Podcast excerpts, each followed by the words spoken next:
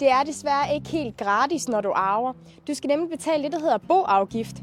Men der er dog forskel på, hvor meget du skal betale. Det afhænger nemlig af din relation til den afdøde. Når man taler om boafgift, så findes der tre kategorier. Dem, der ingenting skal betale i afgift, dem, der skal betale 15%, og så dem, der skal betale 15% først, og så igen 25% bagefter.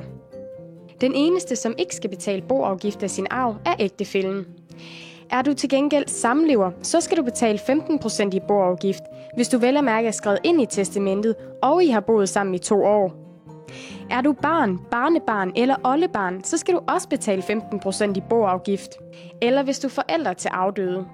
Er du til gengæld søskende, niese eller nevø, så skal du først betale 15% i boafgift, og derefter 25% igen.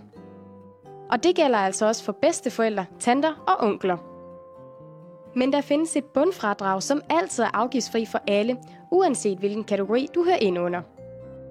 Boafgiften skal først betales, når skifteretten har kigget tanden igennem, og det kan altså godt tage noget tid. Derfor så er det så vigtigt, at du selv husker på, at du skal betale den her afgift.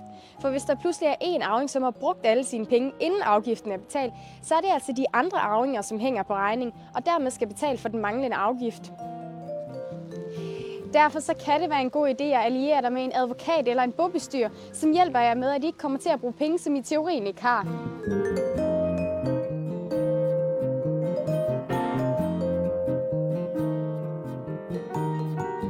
Hvis du til gengæld gerne vil prøve at undgå at skulle betale boafgift, så kan det være en mulighed at give penge som gaver, mens du lever, i stedet for at vente til du dør.